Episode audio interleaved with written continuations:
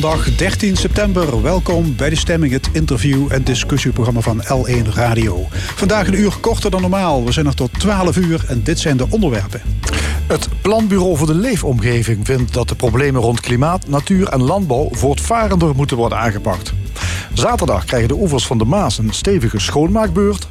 Hoe kan gezuiverd rioolwater helpen om verdroging tegen te gaan? En onze analist Maurice Graaf over grote sportevenementen en corona. Tot 1 uur is dit De Stemming.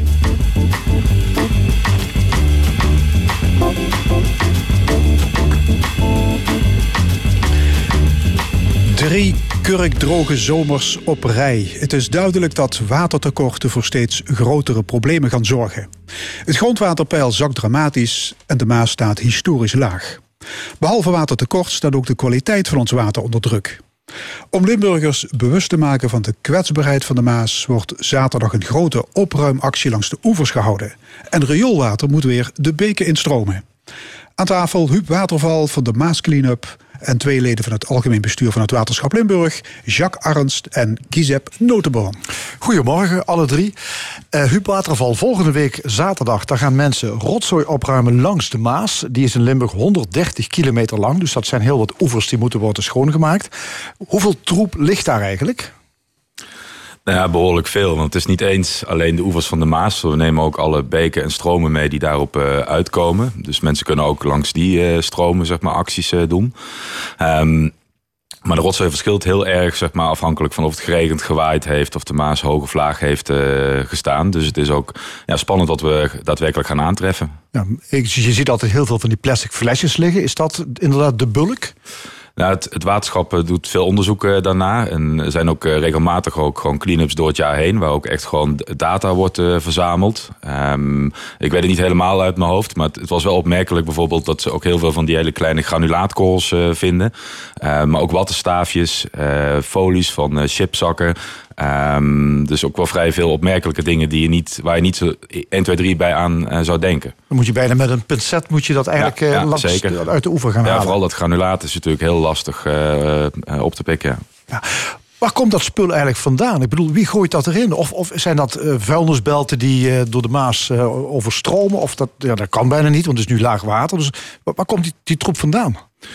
Nou ja, ik ben geen specialist op waar het precies vandaan uh, komt uh, natuurlijk. Maar wat ik me heb laten vertellen is dat ja, toch wel deel ook uit uh, afvallozingen, vaak ook per ongeluk plaatsvinden. Maar ook gewoon veel door wat lang, langs de oevers eigenlijk al ligt en wat gewoon er, erin waait natuurlijk. Ja, en wattenstaafjes, ja, het lijkt me logisch dat dat via op een of andere manier via het riool zeg maar, erin komt bijvoorbeeld. Maar ja, er is daar al veel informatie over beschikbaar. En men weet eigenlijk ook wel waar het allemaal precies vandaan komt. Ja, nou, dan zou je kunnen zeggen, ja, dan kun je het daar ook, uh, kun je daar, zou je het daar moeten aanpakken bij de bron misschien. Ja, kijk, het is een heel complex uh, probleem. Hè. We hebben ook niet de intentie om hiermee dat probleem zeg maar, uh, op te lossen. Alleen ja, we willen er gewoon veel aandacht voor uh, vragen. En met name ook het bedrijfsleven dit keer bij dit initiatief betrekken. Hè, omdat er gebeurde al heel veel. Dat viel ons ook op door vrijwilligers in het voorjaar en het najaar.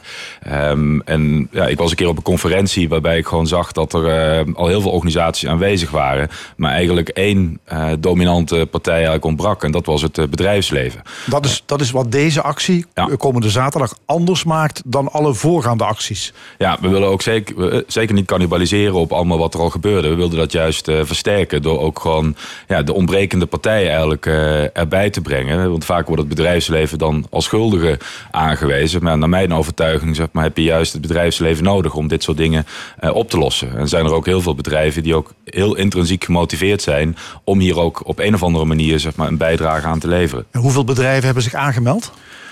Ja, het loopt nog steeds op en we zijn best wel uh, overweldigd uh, daardoor. Dus inmiddels zitten we geloof ik op 25 uh, bedrijven die officieel als partner zeg maar, meedoen. En dan weten we nog niet eens hoeveel bedrijven gewoon zelf gezegd hebben van... hé, hey, wij doen hier aan mee en we starten onze eigen actie bij ons in de buurt. Ja, en zijn dat bedrijven die dan medewerkers inzetten om op te ruimen? Of komen die ook met groot materieel? Nou, op meerdere manieren. Dus we hebben bedrijven die sponsoren. Gewoon in, soms in natura, maar soms ook gewoon geldelijk. Om ook gewoon de actie mogelijk te maken. Um, ja, we hebben ook waterschappenachtige organisaties die, die meedoen. We hebben overheden, er zijn gemeentes. Gemeentes in samenwerkingsverband die zich melden.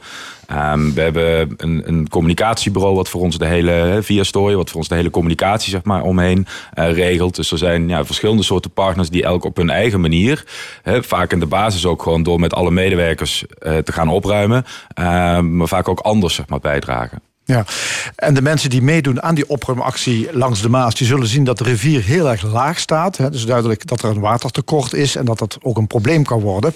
Niet alleen de Maas, maar ook het grondwater staat laag. En hier aan tafel zitten ook Jacques Arns en Giuseppe Notenborn van het Waterschap Limburg, algemeen bestuursleden. Um, jullie hebben een idee om minder water te gaan verspillen. Een speciaal, specifiek soort water. Welk? Rioolwater. Ja, dat, dat rioolwater dat komt nu in de zuiveringsinstallaties terecht. En, en dan? Ja, ik zal het proberen uit te leggen. Het waterschap Limburg, daar hebben we het nu over... is uh, onder meer belast met de rioolzuivering, zeg maar. Het, het, het, het, het afvalwater wat wij gezamenlijk produceren... zo'n 150 miljoen kuub per jaar, dat is een forse hoeveelheid. Dat wordt nu op dit moment door 17 zogenaamde regionale waterzuiveringsinstallaties wordt dat gezuiverd. Uh, dat wil zeggen, uh, niet bruikbaar, maar wel gezuiverd. En dat gezuiverde afvalwater, dat wordt rechtstreeks op, het riool, uh, op, het, op de Maas geloosd. En dat gaat vervolgens via Rotterdam de zee op. Dat is de huidige gang van zaken. Ehm, wat een nieuwe technologie is, eh, die wordt steeds manifester, is dat je dat rioolwater ook kunt gebruiken na een aantal zuiveringsstappen, nieuwe zuiveringsstappen, om dat vervolgens te gebruiken uh, als beekwater. Je kunt dat dus terug laten vloeien naar de beek. Nou, wat is de kracht van deze nieuwe innovatieve ontwikkeling? Dat is dat je een nieuwe bron, als het ware, aanboort. We hebben op dit moment drie bronnen om aan water te komen. Dat is de regen uiteraard. Dat zijn de rivieren, de aanvoer hè, via de Niers, via de, uh, de Geul, uh, via de Maas uiteraard, de grootste bron. Daar kunnen we ook drinkwater van maken. Dat gebeurt ook in de praktijk. En uiteraard het grondwater. Maar wat we niet gebruiken en niet kunnen gebruiken op dit moment is rioolwater. En dat rioolwater, dat wil u zuiveren op allerlei verschillende locaties. Moeten meerdere locaties worden? Ja. En dan wordt het geïnjecteerd in een beek, meneer Notenboom. Ja, nee, dat klopt. Uh, het leuke van dit systeem is, is, dat je het op hele kleine schaal kunt inrichten. Dus je kunt bijvoorbeeld zeggen voor alleen Maastricht of een, een gemeente Stijn, of noem maar even wat op. We gaan nu ook in Stijn zo een uh, uh, module installeren. Um, dat je gewoon een klein netwerk maakt, een gesloten netwerk. Dus het ligt niet meer aan elkaar vast. Dus nu ligt hè, Limburg ligt aan elkaar vast met riolen. En we hebben dus als waterschap beheren wij 550 kilometer ongeveer riool, stamriool. En uh, dat is dus een, een, afstand van hier tot Berlijn, die we moeten in principe uh, beheren. En wat we nu gaan doen is, uh, of wat we zouden kunnen gaan doen, is een kleine systemen maken. Dan kun je de helft misschien al schrappen. Of ja, goed, dat weten we niet precies. Maar daar zou een heel goed stuk van af kunnen. En daar zit ook het geld in. het onderhoud van dat stamriool is eigenlijk nog het duurste. Het zijn nog niet eens de waterzuiveringsinstallaties zelf. Maar dus dat riool wat onderhouden moet worden, dat dan grotendeels weg kan vallen. En daarnaast inderdaad, je kunt uh, in plaats van een grondstof zeggen van het is afval, kun je zeggen van het is een, uh, een grondstof die je nog kunt gebruiken. Dus het water wordt nu iets wat we weer kunnen gebruiken naar of landbouw of naar industrie. En ook in de zomermaanden, op het moment dat het erg droog is en landbouw mag niet uh, van ons water uit de beken, et cetera, halen, kun je zeggen van nou. Goed, uh, neem het bij ons af. Wij hebben het toch van het rioolwater. Maar, ja, de, maar de bedoeling is dat dat rioolwater dan echt geloosd wordt op een beek. Nee, ja, nee. Daar gaan we dus vanaf. Het lozen, dat doen we nu. Ja, maar je wilt er toch beekwater van maken? Van het rioolwater? Ja, nou daar zeggen we dus van dat dat zou dan niet meer hoeven misschien. Dus omdat je het kleine moment op uh, lokale posities hebt, zo'n installatie, kun je ook zeggen, nou goed, er liggen twintig agrariërs in de buurt. Nou, die maken we gewoon een lijntje en die kunnen dat water gaan afnemen. En dan hoeven ze ook niet meer bang te zijn dat er opeens uh, geen water opgepompt uit beken mag worden. Oké, het, water. kan dan eigenlijk gekocht worden bij uh, het waterschap door de agrariërs bijvoorbeeld. Of gratis, of gekocht. En uh, ja, daar, daar kun je van mening over verschillen natuurlijk. Maar die optie is er nu wel, zeg maar. Of die komt eraan. En wat, wat bedoel, we hebben te maken met een enorme verdroging. De grondwaterstand die daalt nog steeds. En wat zou dit plan, zal maar zeggen, ten goede kunnen, zou dit ten goede kunnen komen aan de grondwaterstand in Limburg? Nou, het draagt direct bij. Hè. Uh, wat er namelijk gebeurt is dat uh, dit uh, geraffineerd water, zou je kunnen zeggen. Het is geen gezuiverd water meer, maar het is geraffineerd water.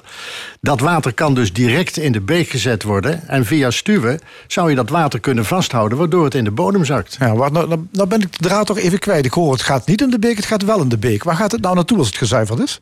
Als, op dit moment. Op ja, op dit moment gaat het de Maas dat weet ik. Maar als het water dat u zuivert. Ja? Dus dadelijk, met uw nieuwe plan. Waar, komt, waar gaat dat naartoe? Kijk, dat hangt af van de, van de situatie. Als het droog is en de boeren hebben dringend water nodig... dan wordt het direct ingezet in de landbouw. Ja. Maar in andere situaties waarin nog allerlei ruimte is... zou je het gewoon in de, de beek kunnen laten lopen. Eh, omdat het namelijk ook geschikt is voor de beek. En dan helpt het ook om de biotoop van de beek in stand te houden. Hè? De dieren, de fauna, de flora, alles wat erbij hoort. En akkerbouwers hoeven bijvoorbeeld minder te pompen... dus de grondwaterstand kan weer omhoog komen. Precies. Ja. Um, Huub Waterval van de Maas Clean Up. Dat klinkt trouwens heel internationaal. Komen er allemaal mensen uit Amerika, Engeland? Of uh, hoe, hoe zit dat? Nou, schoonmaakactie. Wellicht, wellicht ja. ja, ja. Nou, schoonmaakactie dus. Um, u heeft bedrijven benaderd. Dat zei u al uh, om mee te doen. 25 bedrijven hebben al gezegd, we gaan ook aan de slag zaterdag. Waarom willen bedrijven dit? Nou, ik denk dat er een hele beweging op, op gang is dat eh, bedrijven hun succes niet alleen maar afmeten zeg maar, in omzet en winst, maar vooral ook in wat ze bijdragen zeg maar, aan een uh, betere wereld, om het maar even op deze manier uh, te zeggen. en je ziet ook dat consumenten dat steeds belangrijker vinden, dat consumenten ook bedrijven op die manier steeds meer gaan beoordelen, maar ook steeds dat medewerkers die voor die bedrijven willen werken of al werken, ook zo naar hun eigen organisaties kijken. En ik denk dat als je die energie kunt, uh, kunt vangen en, en dan zeg maar bedrijven bij elkaar kunt uh, brengen, allemaal rond dit uh, thema. En al die bedrijven gaan kijken van hé, hey, waar zijn wij nou heel erg goed in? En hoe kunnen we dat inzetten om dit probleem op te lossen? Dat we dan een heel stuk dichterbij een oplossing ja, komen. Maar bedrijven willen eigenlijk vooral natuurlijk geld verdienen, hè, willen winst maken. Daar zijn ze voor op aarde. U zegt van er is eigenlijk een, een soort maatschappelijke druk op die bedrijven om meer te doen voor de planeet. Nou ja, kijk, maatschappelijke druk zou betekenen dat het alleen maar van buiten uh, komt. Maar ik denk ook dat uh, er ook, kijk, bij bedrijven werken ook gewoon mensen. Um, hè, en die mensen die hebben ook kinderen. Um, en die mensen doen, hebben, doen ook boodschappen. En die zien ook wat in de wereld uh, leeft. En die vragen zich ook af. Ja, als je een bedrijf leidt, hoe wil je dat dan, hoe wil je dat dan leiden? En dat wordt vaak vergeten. Dat er ook gewoon een intrinsieke motivatie vanuit een bedrijf zelf kan zijn om het ook echt anders te willen doen. Ja, en leidt die samenwerking van die bedrijven, heeft die ook een meerwaarde voor de aanpak van misschien wel de vervuiling van de Maas? Nou, kijk, om een voorbeeld te geven. We hadden vorige week of twee weken geleden hadden wij de startconferentie. Met uh, dus die 24 bedrijven die nu meedoen. Uh, en daar hadden wij Jessica den Oude, zeg maar. Zij heeft voor de Verenigde Naties onderzoek gedaan naar de rechten van de natuur. Um, en ja, dan kun je denken, wat heeft dat dan met de Maas te maken? Maar zij heeft dus voorbeelden gevonden in Nieuw-Zeeland en in Ecuador, zeg maar, waar de natuur ook een rechtsstatus heeft gekregen. Nou, Bos Sanders is een van onze partners in die Maas Cleanup. Die zat daar ook in de zaal. En je ziet dan dat gelijk daar ook nagedacht wordt van, hé, hey, wat als we de Maas bijvoorbeeld een soort eigen rechtsstatus kunnen geven? Dat die Maas zichzelf kan verdedigen en misschien zelfs aanvallen, zeg maar, als ze bedreigd uh, wordt. Want nu is de Maas eigenlijk van, uh, van niemand. Uh, de Maas kan zichzelf niet verdedigen. Um, en zo zie je dat je in één keer heel op, zeg maar, innovatieve oplossingen krijgt voor een probleem waar eigenlijk nog nooit iemand aan uh, gedacht heeft. En ik denk dat dat het mooie is van die bedrijven bij elkaar. Dan zou BV de Maas bijvoorbeeld een rechtszaak kunnen aanspannen tegen een plek waar die vervuiling vandaan komt. Bijvoorbeeld. bijvoorbeeld. Ja. ja. Want wie zou dat nu moeten doen? Ja. Nou, klinkt interessant. Er kan er nog heel veel uit ontstaan. Dus uh, uh, Jacques Arns en Giuseppe Notenboom van het Waterschap Limburg. Jullie hebben dus dat plan om dat gezuiverde rioolwater weer of de beek in te laten stromen of uh, te laten afnemen door, um, door agrariërs. Uh, uiteindelijk gaat dat plan dus ook nog geld opleveren. Althans, het is uh, goedkoper om dit te doen dan op de manier waarop we nu zuiveren. Ja, nee, uh, dat, dat klopt in principe. Hè. Uh, omdat je dat, uh, dat stamriool waar ik het net over had, hè, die 550 kilometer. Ja, dat daar een groot... riool tot aan Berlijn toe. Ja, ja, ja van, van hier tot Berlijn, zo, zo groot is het, zeg maar, om even op je netvlies te krijgen. Omdat daar gewoon een heel groot stuk van af kan vallen. En we hebben een, een dochterbedrijf, zeg maar, opgericht dat dat voor ons doet. Hè. Dat is eigenlijk uitbesteed aan onszelf. En de, ongeveer de helft van hun budget gaat hier ieder jaar om. En, om, en dan heb je het snel richting de 40 miljoen. Ja, dan kun je dus een hele op andere dingen doen. kun je dus, ja, En dat gaat nu in eh, de gemeente Stijn, gaat dat binnenkort dus gebeuren. Daar, daar komt ook eentje, zover ik weet. Ja, en, dan, eh, en hoe lang duurt het voor dit over heel Limburg uitgerold is, dit systeem? Oh. Ehm, even voor het idee, eh, de bouw van zo'n installatie kost negen maanden. Maar je krijgt de procedures vooraf, hè, alle omgevingswetgeving en noem maar op, dat komt allemaal aan de orde. Maar sec het bouwen is negen maanden. En dan is die klaar. Ja, maar dan moeten we voor 33 gemeenten dan gaan doen in Limburg. Dat zou kunnen, maar misschien voor minder gemeentes. Dat, dat, dat plan moet nog helemaal ontwikkeld worden. Hè? Ja. Kijk, er staat in, uh, in Wilp, vlakbij Deventer, staat een installatie. Uh, die wordt dan in de volksmond de waterfabriek Wilp genoemd. Dat is zo'n installatie die uh, zeg maar in de testfase is geweest. En die wordt nu, daar wordt nu een commerciële installatie neergezet die dit gaat uitvoeren. Ja, die gaat het dus in de praktijk brengen. Andere waterschappen, je weet, we hebben 21 waterschappen. En deze gaat dit uh, ontwikkelen. Ja, oké. En dat naast Stijn zouden er andere kunnen volgen in Limburg. Ja. Ik, ik denk dat je het zo moet zien. Hè. Wij hebben nu in Limburg hebben we een, een systeem. En dit wat nu bedacht is, dat nieuwe systeem in principe is gedacht, eh, bedacht vanuit de redenering dat er nog niks is. Dus het, het, systeem wat we nu hebben, moeten we langzaam uit gaan faseren. En dat kan misschien 50 jaar wel duren voordat het helemaal uitgefaseerd is. Maar je kunt het wel op kleine stukjes kun je het al gaan oppakken. Oké, dank jullie wel. Uh, de Maas Clean-up volgende week zaterdag. Zijn er nog, uh, als mensen zeggen van ik wil meewerken, uh, dat kan? Ja, zeker. Um, dus de mensen kunnen zelfs eigen acties starten. dus via de website van de Maas Clean-up kom je op de World Clean-up Day uiteindelijk terecht. Waar mensen op een kaartje zelf hun eigen actie kunnen aanmaken. En dan vervolgens ook andere mensen daarbij uitnodigen. Dus dat is superleuk om te doen met je sportvereniging of met je buurt. Um, of met je bedrijf of in wat voor verband dan ook. Uh, en ook echt dan zelf uh, ja, met een vuilniszak en handschoenen aan de slag te gaan. Staat allemaal op jullie website van de Maas Cleanup. Dankjewel Huub Waterval en ook bedankt Jacques Aans en Giuseppe Notenborn van het waterschap Limburg. Trouwens, komende week dan besteedt het radioprogramma L1 Vandaag volop aandacht aan ons waterprobleem. De centrale vraag is hoe gaat Limburg om met droogte? Vanaf morgen de hele week in L1 Vandaag en dat is er elke werkdag van 4 tot 7. En vragen van luisteraars die zijn ook welkom. Zo dadelijk in de stemming onze sportanalist Maurice Graaf. Hij gaat het hebben over grote sportevenementen in tijden van corona en over de start van de Eredivisie. Maar eerst een zomerhit die al wekenlang hoog scoort in de top 40. Niet in de laatste plaats vanwege een veelbekeken filmpje op TikTok. George 685 en Jason Derulo met Savage Love.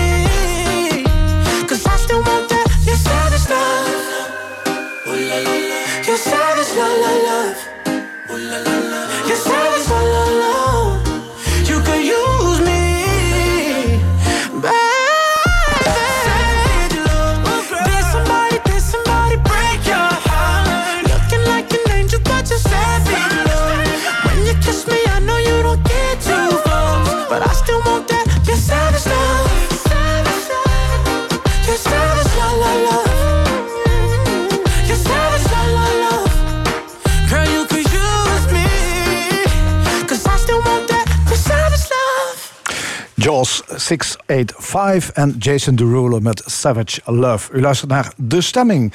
En zometeen de problemen rond klimaat, natuur en landbouw. Die zijn groot en die moeten voortvarender worden aangepakt. Dat betoogt Hans Mommaas. Hij is eh, directeur van het Planbureau voor de Leefomgeving. En zometeen onze gast. Maar eerst dit. De Analist. Vandaag met sportanalist Maurice Graaf. Maurice, welkom. Goedemorgen. Het wemelt eh, opeens voor de sportevenementen. Hè? Tour de France, Formule 1, US Open, dit weekende betaald voetbal. Fantastisch, hoor. Alsof het coronavirus helemaal niet meer bestaat. Eh, ja, dat bestaat wel degelijk. En ik denk zelf dat sport een van de eh, meest onderschatte middelen is om juist meer weerstand op te bouwen tegen dat eh, coronavirus. Of dat nou eh, passief of actief is. Ik bedoel, je hebt het nou over grote topsport-evenementen. ik verheug me er vanmiddag al op. Kwart over twaalf VVV, tien over drie Max Verstappen die gaat winnen vandaag. Tom Dumoulin die, die een zware bergetappe heeft. Ik denk, en niet alleen ik, maar met mij heel veel mensen zien daarnaar uit. We hebben in de, in de zwaarste coronaperiode hebben we thuis herhaling op herhaling zitten te kijken. En nou mogen we weer. Ja, en dat, maar, maar vind je dat al die sportwedstrijden moeten doorgaan? ja, absoluut. Alleen wat mij betreft de vraag is. Hoe gaan ze door? Eh, die sporters die zijn allemaal super getraind, worden super eh, eh, nagekeken, wekelijks gecontroleerd. Maar ja, als je dan ziet wat er op die, eh, op die eh, heuvels of op die bergen. Ja, nee, precies. in De, de is, moet daar overal publiek bij? We Nee. zitten toch in de grootste gezondheidscrisis sinds de, Ja. de afgelopen honderd jaar? Ja, ik geloof, ik geloof dat ze bij de Tour nou ook ingegrepen hebben. En dat er vandaag op de, op de top eh, van de bergen en bij de finish geen, geen publiek bij mag. Maar dat is af en toe. maar dat vond ik al voor corona, hè, op die toppen van die bergen. Dat vond ik. dat, kon, dat kon echt niet. En dat, dat is ook niet gezond. Maar, ik, ik heb vorige week ook in het stadion gezeten bij, bij VVV Venlo tegen Borussia Mönchengladbach. Eh daar mochten er eh, ongeveer 1500 in. Maar het is echt net alsof je bij een begrafenis eh, bent, met alle respect. Maar het, is, het heeft helemaal niets. Er komt totaal geen energie. Mensen zitten uiteraard uit elkaar. Er mag niet geschreeuwd worden, geklapt worden. Er komt totaal geen energie van het veld naar het publiek of van het publiek naar het veld. Het is, ik, ik heb gezegd, ik kan beter thuis kijken. Daar heb je nog die geluidseffecten die ze erbij voegen. De analisten die, die wat zinnigs of onzinnigs te vertellen hebben. Maar eh, Ja, dat, mensen moeten drie stoeltjes afstand houden. Ja. Mogen eigenlijk ook niet staan. nee, Ook niet eh, Nee. eh, zingen. eigenlijk niet. gisteravond toch? Bij de Twente Fortuna gebeurde dat, ja. gebeurde dat wel. Dat, dat zal op meer plekken. Ja, als, als jouw club scoort en je mag niet zingen. Dat is iets voor, zo onnatuurlijks. En dan zie je dat in Nederland. eh, want dat valt me wel op. Dat de Nederlander op zich het, het eerste die grenzen wel overschrijdt. Maar ze hebben dat niet te vroeg begonnen. Nee, Met al die wedstrijden. Nee, maar jij zegt, het is geluks, geluksbevorderend in alle opzichten. Nou, Sport. Ja, dat wel degelijk. Want ik weet zeker, als wij zelf allemaal wat meer gaan sporten, wat gezonder gaan leven, wat juist in corona tegenovergesteld is gebeurd. We zijn meer, we meer thuiswerken betekent eh, meer snoepen eh, nog. We zijn minder gaan bewegen. Eh, ik vind dat de overheid juist daar meer de aandacht op moet vestigen van gebruik sport nou ook om jezelf te wapenen. te- tegen dit virus Ja. en, en waarschijnlijk nog tegen veel Maar meer goed, wat gaat over actieve sportbeoefening. Dat gaat over en, actief. en passief, gewoon kijken naar wedstrijden. Eh, ik vind dat dat geeft je ook een geluksmoment. Dat eh, ik denk dat mensen daar echt naar uitkijken. Ik denk dat de verveling toe is geslagen. Alleen die moeten wel veilig eh, eh, verlopen. Dat ben ik absoluut Maar met je had het jullie. over de Tour de France. Duizenden mensen op, Ja, op, Alpen, op Pyreneeën, Kools. Belachelijk, maar, maar vraag je mij, moet, moet die eh, tour dan niet doorgaan? Jawel. Alleen ze moeten iets doen aan, aan de beveiliging en aan de, het- de voorschriften. voor Waarom mensen om worden die. Kools niet afgesloten voor het publiek? Ja, het gebeurt vandaag wel. Dus het kan wel. Want de renners komen door code rood Code rood gebied vandaag, hè? eh, daar. Ja, ja, en ja helemaal, nog helemaal met je eens. Prudhomme is notabene eh po- Ja. positief getest op corona. De, de grote Ja, tourbaas. ja, die zit thuis. Eh, Ja. Ik denk dat hij nog steeds van thuis uit alles regeert, uiteraard. Maar nog geen enkele renner is positief getest. Nee. Nog niet. Nee, maar ook dat kan gebeuren. Maar is, is dat een reden om eh, zo'n evenement waar zoveel mensen plezier aan hebben en eh, waar zoveel mensen ook weer door in beweging komen? Vergeet dat niet. Hè? De, in de fietsenzaken in, hier in Limburg is, is bijna geen fiets meer te krijgen. Als je nou een nieuwe wielrenfiets bestelt, denk dat je geluk mag hebben als je hem in maart krijgt. Het, het effect is er. En eh, het houdt mensen aan de ene kant ook weer gezond. Ja. Maar goed, aan de andere kant, hoe, hoe rampzalig is het als de Tour de France en straks de Amstel Gold Race, de Ronde van Italië, eens een keer niet doorgaan? Ja, hoe rampzalig is het als er geen bezoek meer mag komen in zorginstellingen? Eh, je, haalt, eh, je haalt de Ja, maar leefbaarheid. dat gaat om mensenlevens. En in dit geval gaat het vooral toch om geld, denk ja, ik. maar als je die mensen hoort die in die zorginstellingen eh, zitten... en ik kom er zelf heel regelmatig met mijn activiteiten... die zeggen van, ik heb liever dat we hier bezoek krijgen... en eh, als het dan gebeurt... maar- maar we gaan nou op een andere manier dood, zeggen ze. Heel eenzaam. En we, er is geen kwaliteit van leven meer. En sport, topsport... eh, En zeker die evenementen die vandaag bijvoorbeeld op programma... die geven voor heel veel mensen een, een inhoud, een kwaliteit van leven. Ja, wat ik toch niet helemaal begrijp is eh, dat eh, premier Rutte, hè, die riep ons een paar weken geleden op om niet meer dan zes mensen te ontvangen, om toch op te beperken als je feestjes hebt. En dan zet je de tv aan en dan zie je daar die Tour de France door die mensenmassa's heen gaan. Denk ik, kan dat ja, toch maar niet helemaal heeft niks te zeggen over de Tour de France. Nee, dat begrijp- Rutte alleen uit, uiteraard in Nee, dat Nederland. Nee, dat, nee, dat begrijp ik wel. Nee, maar dat, dat zorgt wel voor de- verwarring. Hè? Je, je hebt internationale sportbonden eh, die eh, bepalen eh, hoeveel toeschouwers er bij het Nederlands elftal mogen. Dus geen. Ja, Formule 1 wordt ook Ja. Formule niemand 1 die toegelaten. geen- Want, Tour de France voor- bij- voor- ja, Formule 1, hè, vanmiddag ook weer. Ja. geen publiek bij Ja. aanwezig. Hoe kan dat? Waarom niet? Waarom mag daar niemand aanwezig zijn? Omdat eh, eh, internationaal overal regels anders zijn en corona in ieder land anders bestreden eh, wordt. Dus dan krijg je vanzelf overal verschil. En, en dat is lastig, want er is geen touw meer aan vast te knopen. Maar ik denk dat er hier in Nederland met maatregelen soms ook geen touw aan vast te knopen is. Je mag, als je in één voetbalelftal speelt, je moet met mondkapjes met vier mensen in de auto naar de wedstrijd toe. Je mag met acht mensen in een kleedlokaal op het veld, mag alles. En na de wedstrijd in de kantine moet je weer anderhalve meter uit elkaar eh, staan. Ja, logisch is het allemaal niet. Nee, maar even terug naar die Formule 1. Je zegt dus, het, het kan niet met publiek... omdat het juist een internationaal rondreizend circus is. Ja, en omdat het publiek natuurlijk, als je die op een hoop gooit... dat is, dat is de reden dat bij het voetbal in Nederland ook die afstand gehouden zou moeten worden. Uiteraard afwachten of het overal gebeurt. Eh, dat geeft eh, meestal de reden dat het kan zijn dat je overdraagt. eh, Ja. Wat betreft. Maar je mag wel op een voetbaltribune zitten... althans bij een eredivisie of een eerste divisiewedstrijd... maar je kan niet naar een Formule 1-wedstrijd eh naar race gaan. Ja, ik denk dat ze daar die afstand moeilijker kunnen waarborgen dan.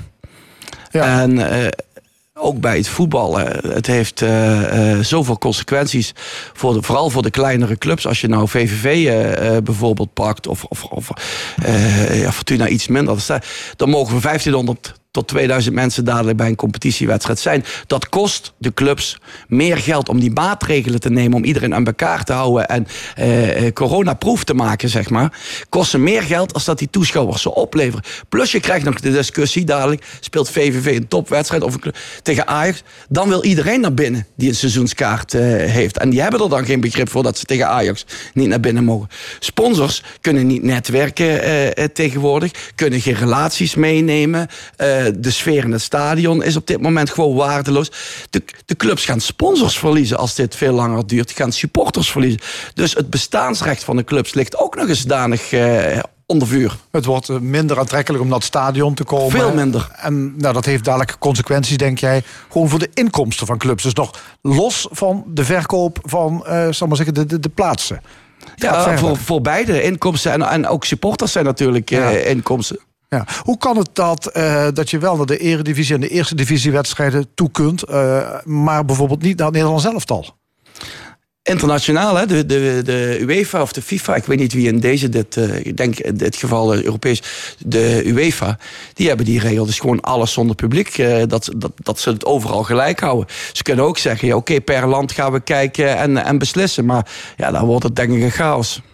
En dat is eigenlijk weer vergelijkbaar met die Formule 1, die ook Ja. internationaal Ja. is. Daar is geen touw meer aan vast te knopen. En dan kiest men maar voor zonder publiek. Ja. Wat vind je trouwens van het geluid dat er tegenwoordig eh, door zo'n technicus achter die voetbalwedstrijden gezet wordt? oh, Bij een leeg stadion? Ja, ik, ik vind het goed. En, en nu pas, hè, eh, sinds kort. Want ik, toen dat net begon, had ik zoiets van... Ja, je verlangt terug naar gewoon echt sfeervol stadion. Maar ik zei al, ik ben vorige week in een stadion... eh, bij VVV tegen Borussia Mönchengladbach geweest. Het is gewoon echt begrafenis. Dan verlang je naar die geluiden die ze op televisie erbij zetten. Je verlangt dat je een analyse kan horen. Dat je even van je plek af kan. Want bij VVV vorige week, je moest gewoon in de rust ook gewoon...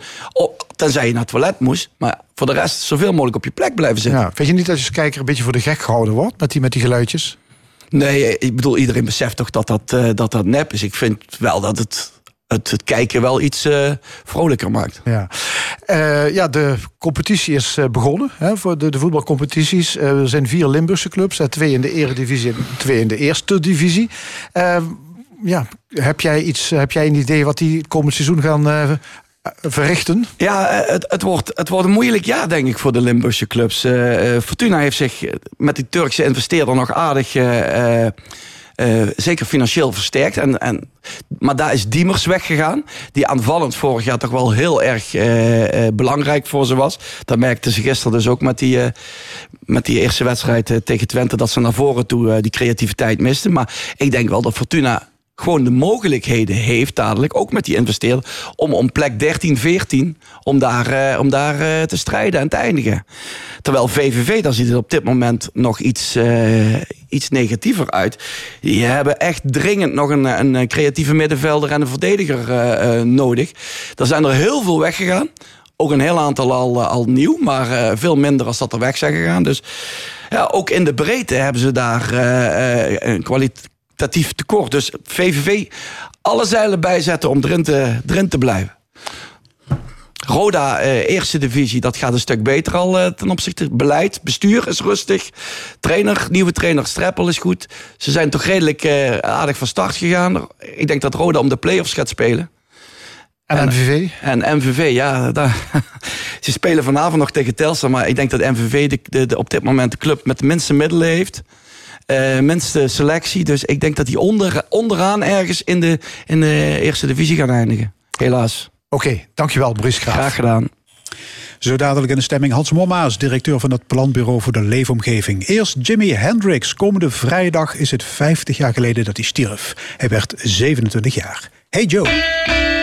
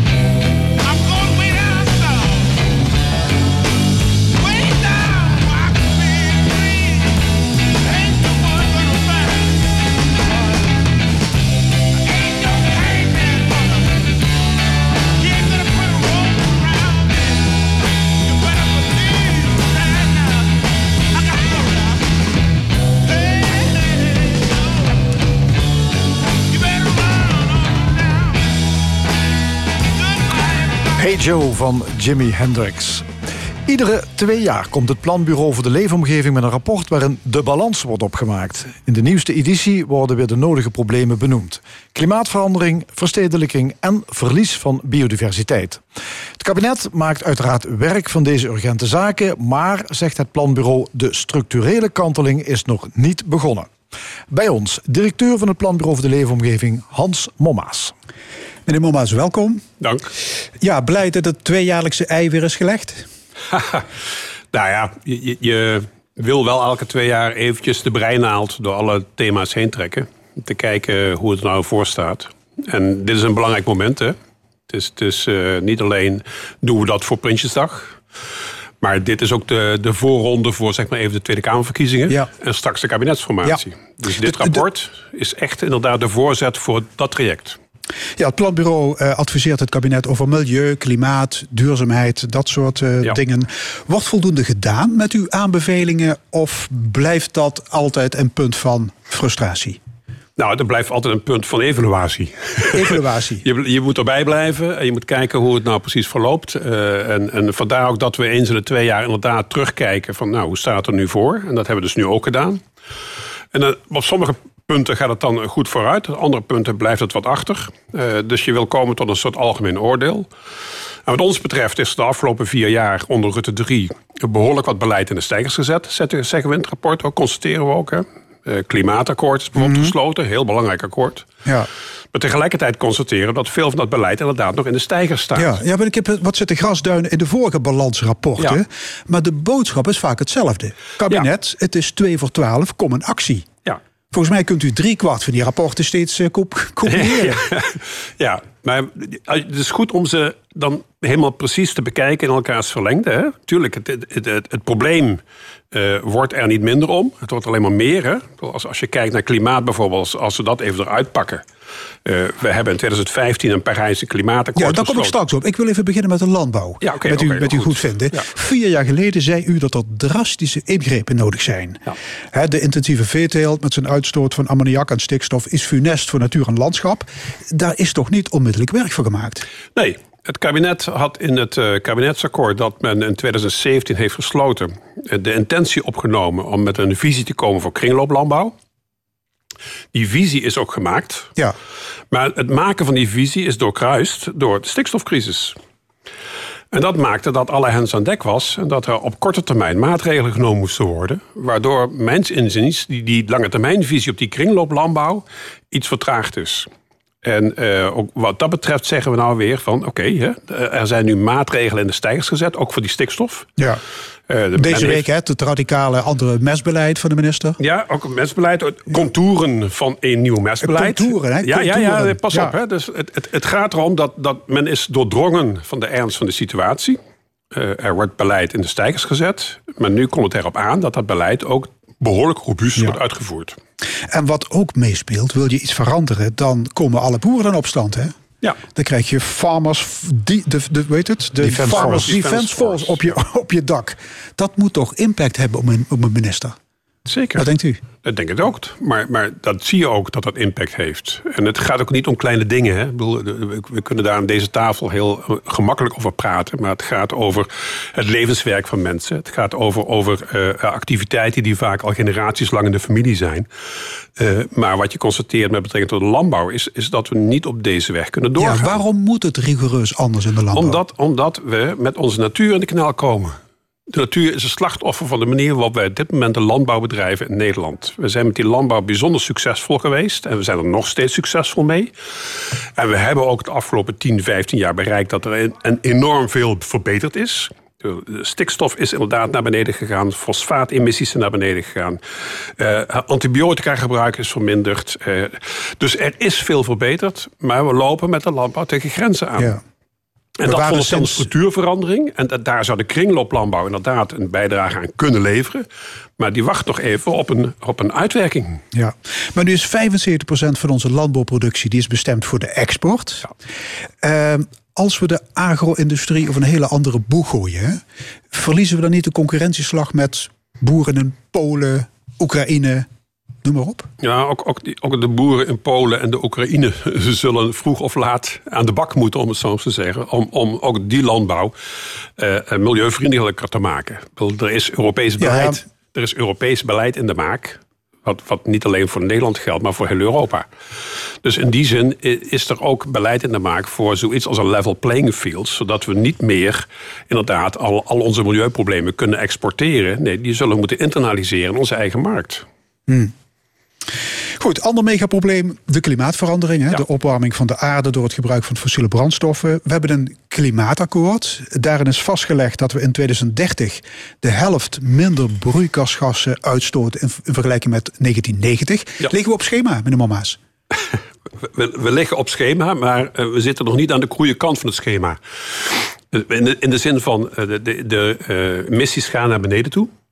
Je ziet langzamerhand dat het, dat het terugloopt. Maar we hebben de Urgenda-case gehad. Hè. Dus de rechter die heeft geëist eh, dat, dat het inderdaad dit jaar op 25% reductie eh, moet komen. Nou, eind van dit jaar gaan we de slotsom opmaken. Eh, we zullen zien of dat bereikt wordt, ja of nee. Ik denk overigens dat de, de coronacrisis daar een behoorlijke bijdrage dit jaar aangeleverd heeft. Maar we gaan het zien. Maar dan zitten we nog niet op die, op die 49% richting 2030. Nee. Hè? Dus we moeten in 10 jaar tijd van 25% naar 49% toe. Dus, dus, dus Ziet u het gebeuren? ik, ik, ik denk dat we in staat zijn om het te doen. We hebben, we hebben het klimaatakkoord doorgerekend. Dan, dan kom je in de buurt van die 49 procent. Maar alweer, dat is een akkoord. Nu moet het uitgevoerd worden. En dan wordt het lastig. Dan gaat het knarsen en piepen overal. Dus eh, we zullen het zien. We moeten allemaal van het gas af. Hè? Eh, burgers moeten Aardgas. zonne, zonne, Aardgas. aardgas. Aardgas, Eh, burgers moeten zonnepanelen aanschaffen, waterpompen, hun huis isoleren. Uw planbureau heeft uitgerekend dat de kosten zo hoog zijn dat valt nooit terug te verdienen. Ja. En nu? We hebben, we hebben een, inderdaad een studie uitgebracht. waarbij we bekeken hebben of eh, wanneer je uitgaat van hele strikte eisen. energieneutraliteit. Hè?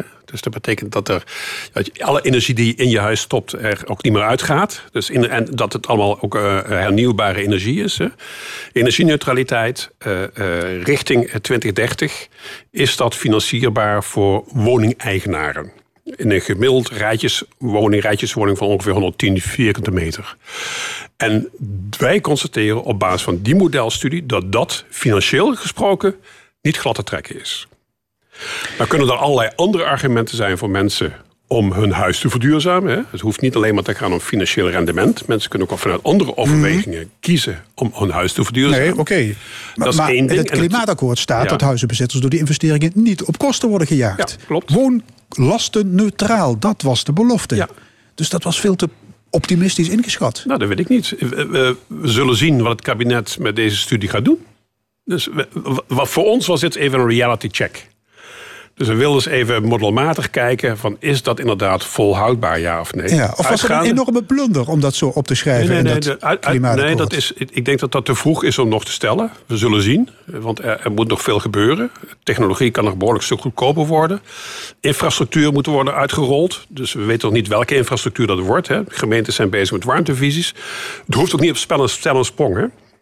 Het, gaat richting 2050. Dus we hebben nog even de tijd om dat allemaal met elkaar te regelen. Maar dit was even een reality check. Ook voor het kabinet en andere partijen. Om met elkaar goed te bekijken van oké, wat zijn hier van de kosten? En hoe gaan we dan burgers op de een of andere manier tegemoet komen om die, om die transitie wel te maken? Dus er komen misschien extra financiele regelingen om het voor de burger niet We al te af. duur te maken. We Ja. af. U heeft al eens eerder geroepen dat de overheid moet zorgen voor draagvlak. Ja. Je moet burgers, maar ook bedrijven, die moet je meekrijgen. Ja. Anders heb je een vet probleem. Ja. Nou ja, je, je vraagt nogal wat van mensen. Bedoel, We, we moeten ons huis anders gaan verwarmen. We moeten gaan investeren in isolatie. Eh, eh, we moeten anders gaan, ons gaan vervoeren. hè, Elektrificering van het vervoer. Eh, we, moeten ons, we moeten ons anders gaan voeden.